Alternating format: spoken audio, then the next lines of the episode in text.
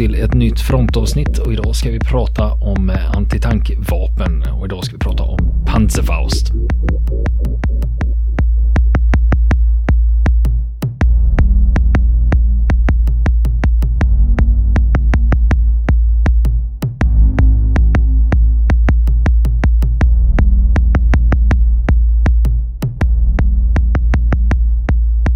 Just det, det är urfadern kan man säga till alla pansarskott.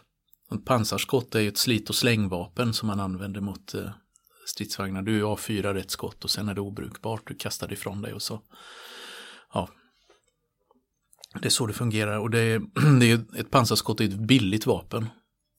Enkelt att tillverka och eh, du kan använda det som eh, i ett bakhåll till exempel. Och du behöver inte vara speciellt utbildad för att kunna hantera det. Det första sånt här pansarskott som tillverkades eh, det var den tyska Panzerfaust. Pansarnäve som det betyder ordagrant. Det kom under kriget därför att man behövde ett svar på eh, alla de massor med stridsvagnar som man mötte på östfronten under andra världskriget. Man blev överraskad av den ryska produktionskapaciteten. Eh, man hade inte förstått när man gick in i Ryssland 41 att de ryska traktorfabrikerna egentligen var stridsvagnsfabriker som tillverkade traktorer i fredstid. Om man uttrycker sig så. Och eh, man behövde förstärka förmågan i den tyska armén att eh, bekämpa stridsvagnar och sprida ut det på fler händer. Ett bärbart vapen som de flesta infanterister kunde ha med sig men som ändå var effektivt. Och då kom man fram, eller kom man fram till den här konstruktionen då. En pansarnäve, ett pansarskott. Som, ja, ser man det på bild så är det som ett, det är ett, ett rör, ett avfyringsrör. Och eh, i änden av det så sitter det en stor klump. Det är själva projektilen som du skjuter iväg. Och eh, på röret så har du också ett litet plåtbläck som sitter med ett sikte. Ganska enkelt. Och eh, den första pansarnäven den började tillverkas då i augusti 43, kom ut i förbanden då. Fram, först på östfronten då, där det var eh, skriande behov av sån här, eh, den här typen av vapen då. Den allra första versionen av den hade då den här, den här klumpen, den vägde tre kilo som man skickade iväg. Och eh, när man skjuter den så la man den antingen på, eh, på axeln som eh, en bazooka eller ett eh, pansarskott. Eller så klämde man fast den i armhålan, det här röret. Och, och sikta på det viset. Så det fanns två det sätt att hålla i. Det verkar väldigt avigt att hålla det Ja, under, precis. inklämt under armen. Ja. Att liksom kunna sikta dessutom. Lite så. Ja. Fast då kommer vi in i detta att du behöver inte sikta så noggrant för den, du behövde vara så nära som 30 meter från stridsvagnen du sköt emot. Det var det, det effektiva avståndet på de flesta versionerna av eh, pansarnävarna som tillverkades. I städer eller i bakhåll och det innebär bara att du ofta måste ha ganska starka nerver. Man känner sig inte stor när man kommer i närheten av en stridsvagn som far fram. Med dess kanon och kulsprutor och så vidare och buller och larvband och så vidare som bara mal fram. Så, här. så att eh, starka nerver fodrades av skytten för att kunna vänta tills det var så nära som under, under 30 meter och sen sätta den i, i, eh, i plåten på stridsvagnen. Det här eh, var ju rekylfritt eftersom du har utblås bak då på den. Eh, lika mycket av kraften går bakåt som framåt. Så att eh, då hade man ingen rekyl på det och det var, eh, var konstruerat som ett engångsvapen. Fast det finns också eh, berättelser om att man faktiskt samlade in de här förbrukade avfyringsrören på många förband och skickade dem bakåt till verkstäder där man laddade dem igen för att kunna skicka ut dem igen. Så att det förekom tydligen det också därför att det var ju brist på råmaterial och det var brist på eh, mycket i den tyska armén mot slutet av kriget så därför så återanvände man så mycket man kunde. Det kom ju versioner av det här med tiden då också som hade, det första heter Panzerfaust 30. Och 30 står för 30 meter. Och det var den stora massan av dem och sen kom det Panzerfaust 60 och Panzerfaust 100 också mot slutet av kriget. Som eh, där det kunde vara på lite större avstånd från, från målet. Och de var så pass kraftfulla att de gick igenom allt pansar som fanns på den tiden. Så även de, till och med de största sovjetiska stridsvagnarna, Josef Stalin-vagnarna, kunde man eh, bekämpa rätt så enkelt med Panzerfaust om man kom tillräckligt nära. För att det var en väldigt kraftig laddning då, riktad sprängverkan som det heter. Eh, där man, ja, det innebär ju att laddningen är konstruerad på ett visst sätt så att när den exploderar så koncentreras kraften i sprängverkan i en enda stråle, då kanske ett fingers tjocklek, som svetsar igenom pansarplåten och eh, ställer till förödelse inne i vagnen då på, bland besättningen. Och man kan säga så här att eh, när man, när man konstruerar en sån här riktad mm. sprängverkan, om man tittar mm. hur sprängmedlet ligger mm. i själva kroppen mm. så är det som en omvänd kon. Exakt. Skulle man kunna säga. Precis. Att det ser ut som en urgröpning in mm. i sprängmedlet. Och det gör Just att den riktas ner och precis mm. som du säger så ja. blir det som en svetslåga precis. rätt igenom pansaret. Precis. Och den här tekniken är ju inte, den har ju använts i många andra konstruktioner. Just det. Och bland annat våran vän Joakim Martin som har pratat med, han mm. hade ju med sig Panzerfaust i mm. skyttegravarna utanför mm. bunkern när det var ryska stridsvagnar Precis. som på väg att rulla in. Precis. Så vi har ju faktiskt pratat med en som fortfarande är i livet som faktiskt har använt det här vapnet i, under striderna under andra världskriget. Då.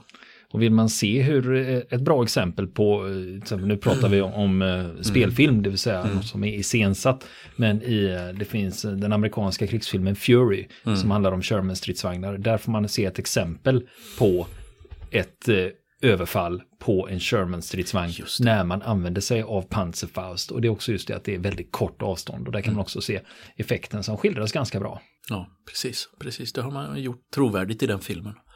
Hur det var då. Eh, det fanns, som jag sa då, det fanns flera olika varianter. Man ökade laddningen, man ökade räckvidden på vapnet. När man är framme vid 1945 så har man tillverkat nästan 7 miljoner Panzerfaust. Några av de här exporterades då till bundsförvanterna 1944 till Rumänien, rumänska armén som slogs på Hitlers sida fram till 44. Eh, de fick också del av det här då därför att eh, de hade inte så många vapen pansarvärnsvapen som bet på de ryska stridsvagnarna. Så det blev en enorm uppgradering för dem men det här var ju sista, sista ögonblicket så det fick ju aldrig någon större betydelse. Och den finska armén fick 1944 när man skulle försvara sig på Karelska näset mot den stora sovjetiska offensiven så, vidare, så fick man också en stor laddning med Panzerfaust från den tyska Eh, krigsindustrin då, nästan 30 000 pansarfast skickades dit då eh, och användes där då med stor framgång i striderna. Har du, några, har du läst några vittnesmål när folk använder Panzerfaust, hur de upplever det? Ja, jag har inte bara läst vittnesmål utan jag har intervjuat personer som har, har använt dem. På 90-talet gjorde jag detta, dessa intervjuer. Vad har de att berätta Och, om eh, Panzerfaust? Ja, alltså det är ju ett enkelt vapen. Det, det, det fanns inte så mycket att säga mer än att det, det var eh, att man var ofta väldigt rädd när man eh, var tvungen att låta de här stridsvagnen under anfallen komma så nära en innan man kunde göra någonting. Sticka upp huvudet ur gropen eller, eller man gömde sig i en husruin och eh, så stack man fram då i ett bakhåll och, och sköt sönder de här ryska, oftast ryska vagnarna. De användes ju även på västfronten.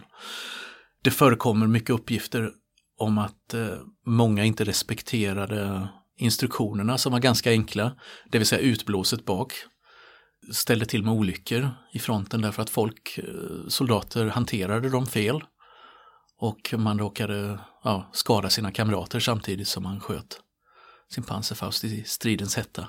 Så att det var inte ovanligt, i alla fall i början, att sånt hände. Och eh, det här vapnet var ju så pass fruktat också av fienden därför att det kunde hanteras av vem som helst i princip, du behövde inte vara en utbildad soldat utan eh, det ser man ju på journalfilmer från eh, Hitler-Tyskland. Att man utbildade civila, Hitlerjugend, eh, i att använda dem så att vem som helst kunde slå ut en stridsvagn med dess besättning. Efter att ha bara fått några enkla instruktioner om hur man gjorde. Det är ett oerhört enkelt vapen med en avtrycknings avfyringsanordning, ett väldigt enkelt sikte som du egentligen knappt behöver använda eftersom avstånden var så korta. Så att du kunde nästan bara syfta Flera. med ögonmått. Mm. När det gäller andra pansarvärnsvapen så har man ju ofta ett armeringsavstånd, det vill säga att mm. vapnet, eh, projektilen armeras inte. Ja, det. Och det är ju för att du inte ska råka ut för mm. olyckor, det vill säga att du råkar ja. träffa ett föremål som är för nära så att du Nej, får splitter precis. i dig. Precis. Fanns det ett sånt Panzerfaust också? De hade en armeringssträcka också, men jag är lite osäker på hur lång den var. Jag tror att den inte var mer än 10 meter, men eh, jag kan inte svara på det på rak arm. Hur det, hur det låg till med armeringssträckan på Panzerfaust. Men eh, den var så effektiv och så fruktad att så fort ryssarna kom över lager med Panzerfaust, man erövrade så använde man dem själva. Det finns gott om exempel från slaget om Berlin exempelvis där man, där man använde erövrade Panzerfaust mot tyska eh, värn och ställningar och även tyska stridsvagnar. Du vet, vi hade ett mm. avsnitt om Goose Green till exempel, ja. där man då använde sig av pansarvärnsraketer. Mm mot eh, mm. fasta ställningar. Men det, man även, använder även Panzerfaust till det. Ja, att mot bunkrar och eh, hus och befästningar. Och allt, jajamän. En projektil är en projektil och i stridens hetta så, så bryr man sig kanske inte alltid om det, den är konstruerad för att slå ut stridsvagnar eller den spränggranat. För du skjuter med vad du har. Och eh, den var ju effektiv på många sätt. Den var ju inte effektiv mot infanteri så att säga. Men man hade konstruerat en modell som eh, man aldrig hann börja tillverka som just var en splittergranat i, i änden just för att kunna bekämpa fientligt infanteri istället för stridsvagnar. Så det var en modell som man hade då på, på ritbordet. Och eh, precis i krigsslutet så hade man också tagit fram en, en Panzerfaust 150 som alltså kunde, du kunde skjuta på 150 meters håll då. Den hann man inte tillverka i så många exemplar innan kriget tog slut. Och på ritbordet så hade man en Panzerfaust 250. Och då börjar man komma upp i rejäla avstånd då. Men då måste man ju ha styrfenor och grejer. Skillnaden var ju den mm. första när man bara ja. lobbar iväg en liten boll. Precis. Så att säga. Precis. Men när du ska upp på de avstånden då krävs det ju lite stabilisatorer. Och... Ja, just det. Precis. Och eh, Panzerfausten har ju fått efterföljare efter det då i, ehm, i många länders arméer. Då, därför att man behöver ett, ofta ha med sig ett billigt vapen, skjut och släng. Så att den här ehm, Panzerfaust 250 som jag sa som fanns på ritbordet, den blev förlagan till ett sovjetiskt pansarvärnsvapen, RPG-2. Efter kriget. Ser ut som ett eh, raketgevär fast med en väldigt lång, smal eh, stridsdel i den då som, eh, som inte alls ser ut som de här klumparna som fanns eh, på Panzerfausten då, utan de klassiska Panzerfausten man tänker på. Även i västtyska armén under kalla kriget så hade man en vidareutveckling där då som man kallade Panzerfaust 44 som man använde under 60 och 70-talet. Eh, ända in på 90-talet fanns den i tyska förråd. Då, innan man skaffade sig modernare pansarskott. Ja, jag tänkte på det, du nämnde den ryska RPG-2. Mm. Om man tittar på ett modernt ryskt mm. Eh, raketgevär, alltså en RPG-7. Mm. Ja, just det. Är de ganska snarlika i utseende då? För det är ju också det. De ja, de här... ryska påminner ju om varandra men de påminner i sin tur inte så mycket om Panzerfausten. Nej, men det var just mm. avståndet mm. mellan RPG-2 och RPG-7 ja. jag tänkte på. Mm. Ja, prestandamässigt så är de ju helt, eh, helt olika och det finns ju vissa skillnader man kan se på dem. De ser ut mer som ett gevär nästan som du håller i fast med en stort rör istället för en, eh, för en liten, liten pipa till exempel. Och den här stora klumpen då. Sen i svenska armén så kopierade vi nästan rakt av Panzerfausten efter krigsslutet. Gjorde vi vi hade, hade svenska pansarskott modell 45 och modell 46 är nästan en blåkopia av Panzerfausten. Och de använde vi ju långt fram i tiden ända tills ja, modell 68 och modell 86 kom som liknar mer ett, eh, ett eh, granatgevär. Fast det är ett engångsvapen då fortfarande. Så att de finns i många länders arméer, pansarskotten och idén den kom då från den tyska, tyska sidan. Man hade ju massor av andra infanterivapen då som uppkom i olika länders arméer vid just den här tiden just för att bekämpa stridsvagnar. tyskarna hade ju sitt eh, Panzerschreck också då som var ett raketgevär. Det ser ut som ett stort långt rör och så en liten skyddsplåt framför skytten då. Som ett visir. När man ser det på bilder. Två mans besättning på dem då, en skytt och en laddare. Kallades, fick öknamnet eh, Kaminröret också. För det ser ut som ett stort kaminrör helt enkelt. Mm, men det är ändå olika typer om vi nu pratar om raketgevär. För amerikanerna mm. hade ju sin bazooka. Mm. Det är också ett raketgevär. Precis, ja. så det, det, är ju en typ ja, av vapen. Ja. Och de är ju, det är ju inte jämförbart med våra granatgevär som Carl Gustav som vi har i svenska armén exempelvis. För det är ju en annan typ. Det är som det heter, det är ett granatgevär. Där skjuter man iväg en granat, det blir kvar en hylsa i, i, i röret på där drivladdningen har suttit. Mm. Eh, för, för, det, för, granaten ja. i sig innehåller ju ingen raket Nej, sen, utan när, du väl, när den väl har mm. lämnat eldröret ja, så fortsätter mm. den som en klump. Bara, utan styrfenor och grejer. Jajamän. Och, men raketgeväret, där är det ju i en raket helt enkelt med drivladdning som far iväg. Som är, man har en elektrisk tändning då i, i vapnet då. För att tända eld på drivladdningen i raketen då. Så det är ju den klassiska bazookan och sen den tyska pansarschrecken som hade detta då. De, de kom ungefär samtidigt där då i mitten av andra världskriget. När man behövde mer resurser för att bekämpa stridsvagnar. Och pansarskräcken var ju egentligen utvecklad efter att man hade studerat bazookan. En erövrad bazooka så utvecklade man den tyska varianten av detta då. Sen hade ju britterna då eh, sin egen modell, Pyatt. En tredje typ som egentligen mer påminner om hur en granatkastare fungerar än eh, ett raketgevär eller granatgevär. Och eh, där man, eh, man hade en laddningsmekanism eh, som bestod av en stor kraftig fjäder som man var tvungen för att spänna som slog till och tände drivladdningen då i, på projektilen den där fjädern var så svår att spänna för korta soldater att det var nästan, ja, det var en väldigt stor utmaning att hantera det vapnet. För var du, var du för kort så kunde du inte, klarade du inte att, att spänna den för man var tvungen att ta hjälp av hela kroppen, ungefär som ett armborst.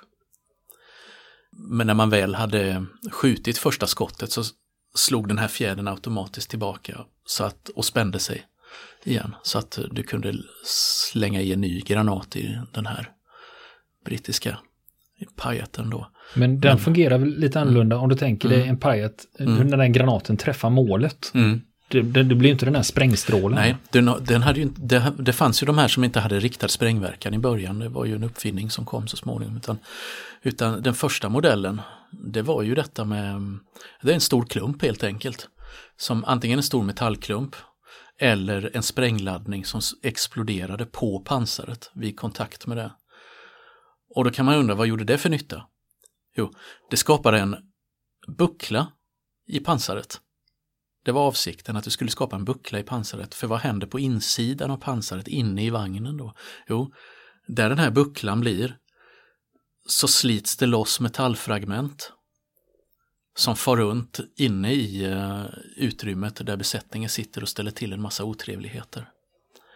Och kan slå ut hela besättningen då. Så den var inte designad för att slå hål i pansaret Nej. utan buckla till ja, det för precis. att sprida splitter ja, på insidan. En slags indirekt verkan då kan man säga.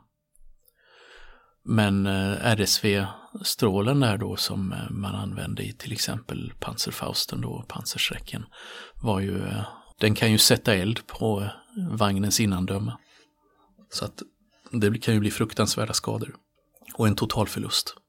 För alltid när man bygger mm. och konstruerar nya vapen så börjar ju även själva den defensiva delen av pansaret mm. också försöka hänga med utvecklingen. Vad är det man har försökt att göra för att skydda sig mot panserfaust och liknande eh? I den ryska armén, i röda armén redan under kriget så satte man på extra plåtar på, kring tornet på vissa av sina T34 och så vidare.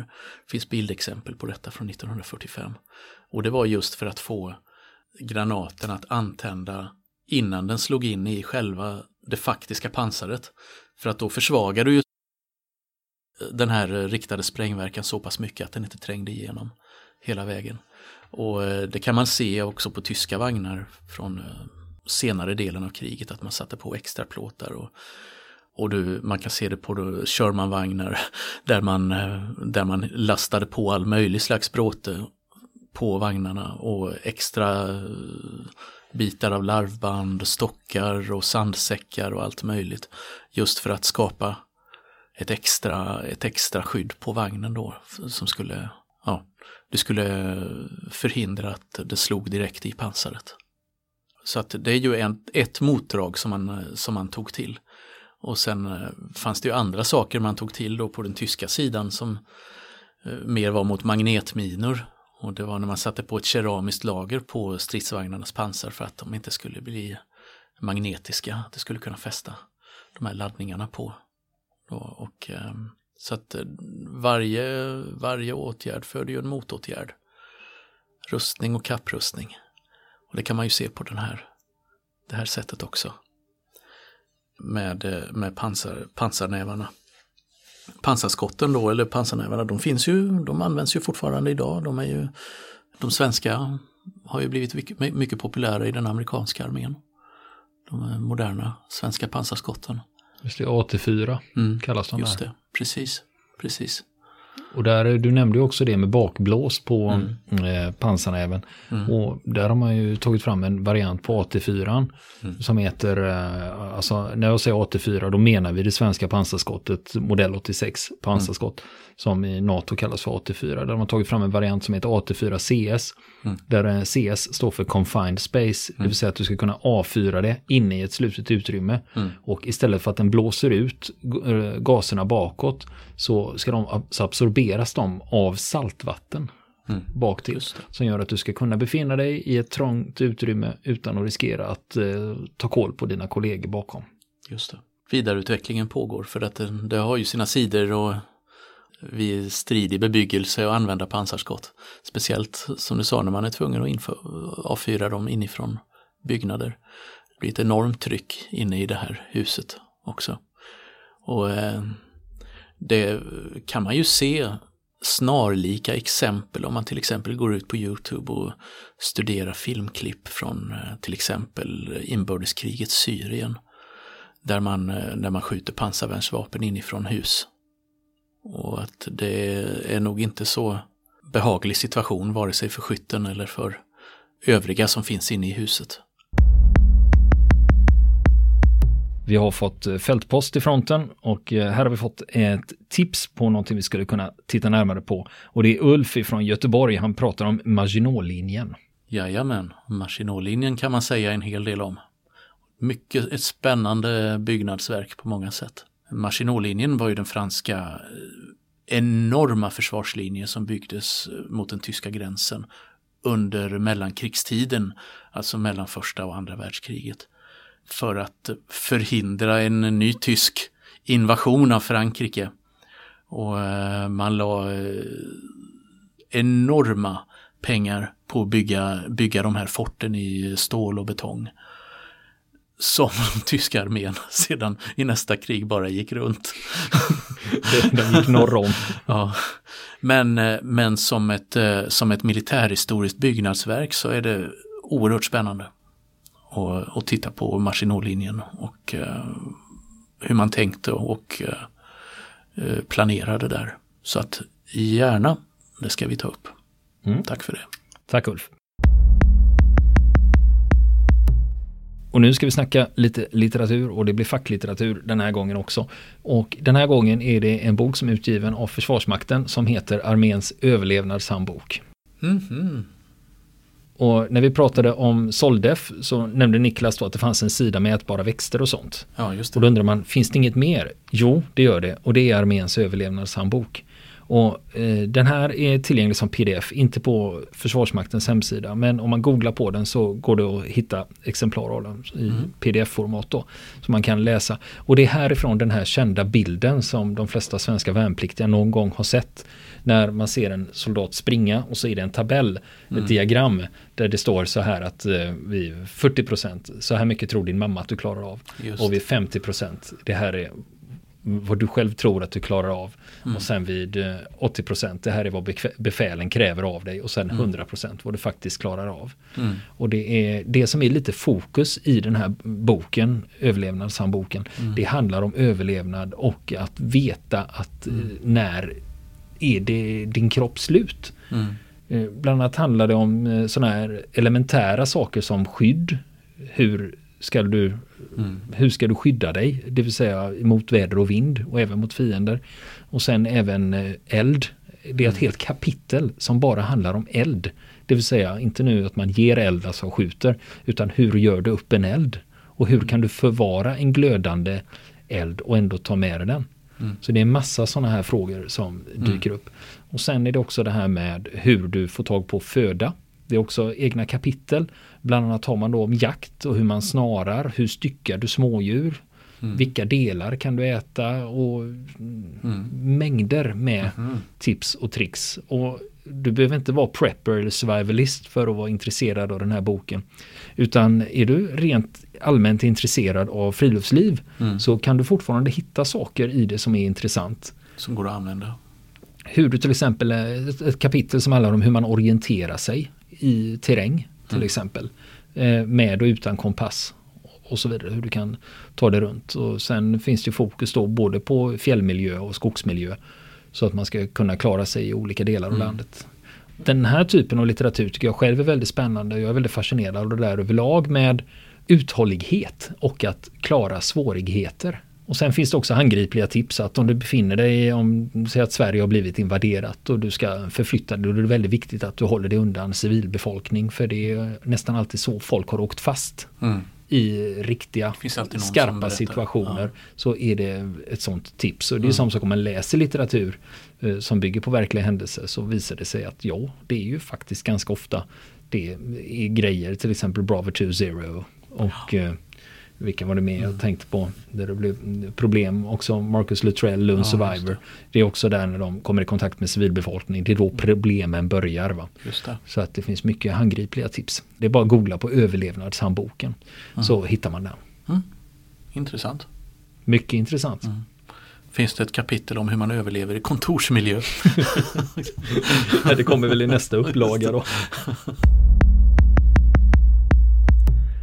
Sen har vi fått fältpost till fronten och den här gången handlar det om signaturmelodin som ni hör i början på varje frontavsnitt.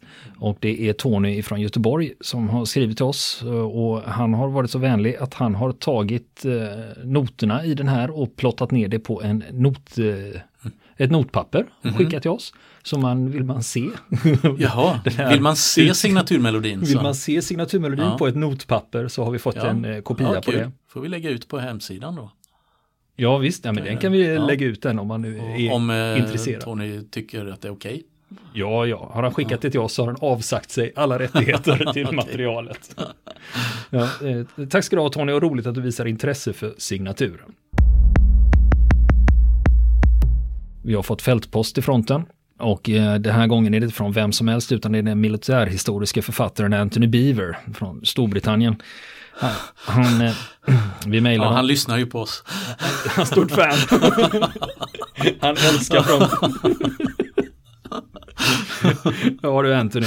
Det var så här, vi hade mejlat honom. Jag ville, han var ju på bokmässan i Göteborg och jag mm. försökte få till en intervju. Ja, och, eh, det var inte så lätt. Det var inte så lätt. Han är en av de mest uppbok, i och med att han är en av världens mest kända militärhistoriska författare mm. så dög det tydligen inte med fronten utan mm. man ska tydligen komma från DN eller National Geographic eller något sånt. Mm. För att, för att mm. få audiens hos uh, herrskapet. Men han svarar i alla fall personligt. Uh, han skrev så här. Please arrange with Christina Hagen at Historiska Media who is in charge of the program. All good wishes, Anthony Beaver. Så det är mm. i alla fall en hälsning till ja, fronten visst. från ja. Eh, Anthony Beaver. Ja. ja. jag har intervjuat honom flera gånger. Har gjort Hur fan lyckas du då? jo, men eh, det, det, var ett tag sedan nu. Men, eh, men det är en trevlig, trevlig snubbe när man får prata med honom. Han är väldigt engelsk. Mm. Lite torr humor och och så men eh, Mm. Ja, vi fick inte till någon intervju på Bokmässan utan vi istället bandade vi ett seminarium när Beaver och Peter Englund sitter mm. och snackar. Och sen var jag framme och hälsade på Anthony Beaver efteråt då. Fick i alla fall skakat hand med han då och presenterat mig och sånt då. Så att, och precis som du säger, brittiskt korrekt och artig. Mm. Så all respekt för honom. Ja. Vill ni komma i kontakt med oss så kan ni göra det via vår Facebook-sida som heter Fronten. Det är inga problem för er att leta er fram där. Eller också så mejlar ni på vår mejladress och det är frontenpodcast.gmail.com.